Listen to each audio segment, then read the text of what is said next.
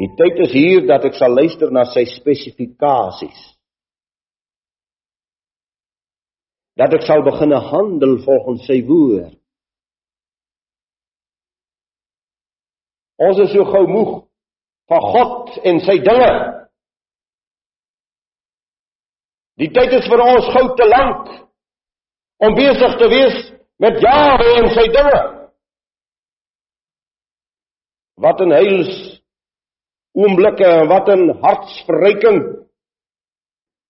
Ek wens ek kan alles los en dit beleef dag na dag in my lewe. Dat jy nie môre opstaan en dat 8 uur is ons bymekaar vir gebed. Daardie pragtige klomp jong mense en kinders van die hoërskool. Van 8 uur af is hulle in gebed. En dit maak nie saak of dit 'n uur lank word nie, maar daar's 'n uur voor afgesond. En daarna eet ons. En wat 'n heerlikheid. 10 uur begin hulle met samespreking oor 'n onderwerp uit die Bybel. Vir 'n uur lank het hulle tyd om oor 'n sekere saak wat voor hulle geplaas is gaan kyk. Wat sê Jahwe oor hierdie saak in die skrif? Gaan kyk na sy spesifikasies en elke drink ons saam lekker tee. En half 12 tot 1 kom die totale groep bymekaar, jong mense en volwassenes en word hierdie spesifikasies gehanteer en bespreek. En vanaand is daar sang en gebed. En as daar saam luister na die woord wat daardie onderwerp van die hele môre intrek tot in jou en in my hart. Dit is seker hoekom ek so verlang dat my koning sal kom. Dit het tyd geword dat ons nie vir ons sal besig hou wanneer ons met hierdie boek besig is met allerlei snaaksighede en moeilikhede. Dit het tyd geword dat ons die wesenskern van ons verhouding met God Jahwe op datum sal kry as dit nog nie op datum is nie en dit op datum sal hou. My verhouding met die Vader wat ek aanbid. Want waarin lê die krag, geliefdes? Paulus sê so pragtig. Hy sê die liefde stig, die kennis is opgeblaas. Verstommend die kennis van die tyd die opgeblaasendheid van die tyd. Hartseer tragies die gebrek aan liefde onder ons. Maak ek 'n fout? Nee. Want ek staan nie in my eie krag en eie vermoë hier voor U. Ja, wy sê vir môre vir jou en vir my. Dit het tyd geword dat jy sal luister na die spesifikasie van my woord as jy 'n ark wil behou. As jy 'n ark wil bou wat deur die storm sal gaan, dan sal dit God se ark wees en nie jou en my ark nie. En ek en jy het 'n ark wat vir ons gebou is. Gaan verder geliefdes in die spesifikasie. Bou 'n ark van goeie verhoud. Hoekom sou God Jahwe dit so vir Noag spesifiseer? Hoekom kan hy dan nie maar sommer enige hout gaan vat nie? Hoekom kan jy nie maar op enige wyse die mense loop en vertel ons elkeen gaan op sy eie geloofsalig word? Elkeen kan maar God ja wê aanbid soos wat hy wil. Nee.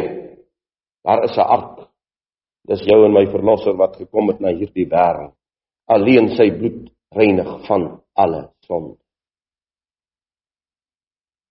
Alleen sy bloed reinig van alle sonde. En as ek hom nie skuilings vind nie, as ek nie onder sy gesag en majesteit is nie, hoeveel swaarder straf dink julle sal hy verdien wat die seun van God vertrap het en die bloed van die testament waardeur hy geheilig is onrein geag en die gees van genade gesmaak het. Hebreërs 10 vers 29. Hoeveel swaarder straf dink julle sal hy verdien? Dat die koning van my lewe en dat hy sentraal sal bly. Hy is die gespesifiseerde dwars deur die Bybel.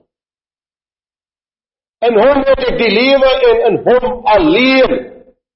En as hy vir my vanmôre die waaragtige verlosser is, dan dien ek hom so en dan aanbid ek hom so. En dan raak ek nie moeg op die pad om met hom te praat. Dan raak ek nie moeg op die pad om die gemeenskap van die gelowiges te beoefen nie. Hebreërs sê dit is opsetlike sonde om die gemeenskap van die gelowiges te ignoreer. Geliefdes, luister mooi. Dis nie ek wat dit sê nie, dis hierdie woord wat dit vir my gee. As ek en jy teen onsself sondig, dan sondig ons teen onsself. Maar as jy teen die liggaam van Yeshua sondig, as jy teen die liggaam van Yeshua sondig, bly daar vir jou geen genade meer oor. Gaan lees Hebreërs 10. Gaan lees Hebreërs 6. Gaan lees Matteus 12. Hy wat nie saam met my versamel nie, hy verstrooi. Hy wat nie vir my is nie, is teen my. Om te sondig teen die liggaam van God, Jahwe, om te sondig teen sy gemeente. Om te ignoreer om te breek om te laat verwaarloos. Daarom is daar sulke verskriklike oordeele geskrywe in die woord van die Vader teen die herder wat die skape verwaarloos wat hulle voedsel vir hulle nie op tyd gee nie en ek het geen illusie oor die gee van die woord aan u. Verskriklike oordeel wanneer die liggaam geskenk word. Nou geliefdes, u en ek weet vanmôre daar is volkomme beheer. Ons het die korrekte spesifikasie in hierdie dierbare woord om korrek te lewe om met oorgawe en met blydskap te kan lewe. Om werklik met blydskap te kan leef. Ondanks die vlees. Paulus skryf in Romeine 7 daar sê hy hy het hierdie verskriklike worsteling want hy's in die vlees. Die goeie wat ek wil doen ek, die kwaad wat ek nie wil dit doen ek. Dis vir hom 'n verskriklike stryd in hom. Hy sê maar ek dank God deur Yeshua die Messia En dan kom in Romeine 9 eh, Romeine 8 en dan begin hy praat oor die wonder van God se uitverkiesing en God se genade dat hy uitgeruk het en dat hy voor die tyd gekies het met die handel hy. En dan gaan hy deur met hierdie genade en hy gaan deur oor hierdie volk wat gekies is. Romeine 9:10 en 11. En as hy by die einde kom dat Jawe God hierdie magtige werk doen en terugbring en terugroep en terugruk. Daar roep hy uit o diepte van die rykdomme en die kennis en die wysheid van God.